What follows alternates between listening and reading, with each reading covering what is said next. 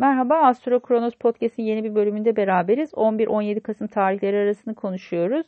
Bu tarihte Aslan burçları için pazartesi salı birazcık daha kariyer tanıma, duyurular için kullanılabilir. Dolunay yorumunu zaten yapmıştık.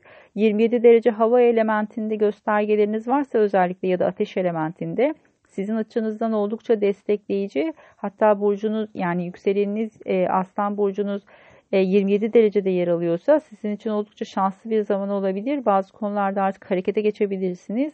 Bazı fırsatlarla karşılaşabilirsiniz. İyi değerlendirmenizi öneririm. Her ne kadar e, Merkür Retrosu olsa da bu süreç içerisinde özellikle daha önceden konuşulmuş şeyler varsa, harekete geçmeyi beklediğiniz şeyler varsa bunlar için uygun zaman olabilir.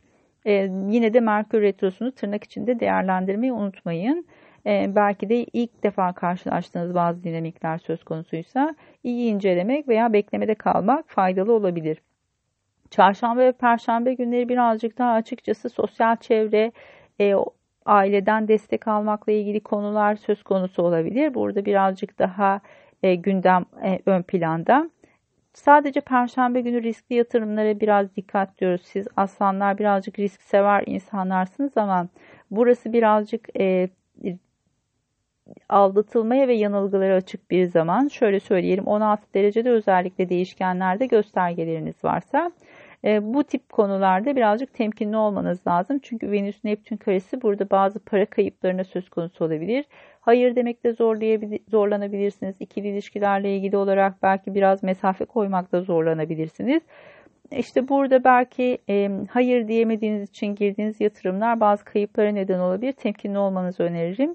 E, çarşamba, perşembeden sonra cuma, cumartesi, pazar biraz kendi başınıza kalmak isteyebilirsiniz. Biraz dinlenmek isteyebilirsiniz. Bu biraz geri çekildiğiniz, belki de biraz geri çekilip dinlenmek istediğiniz bir zaman olabilir. Çalışmaya da ayırabilirsiniz yalnız başınıza kalıp. Ama daha çok açıkçası birazcık daha yalnız kalmak, birazcık daha aileyle ilgilenmek gibi dinamikler söz konusu olabilir. E, bir sonraki podcast'te görüşmek üzere. Umarım bu hafta sizin açınızdan keyifli ve eğlenceli geçecektir.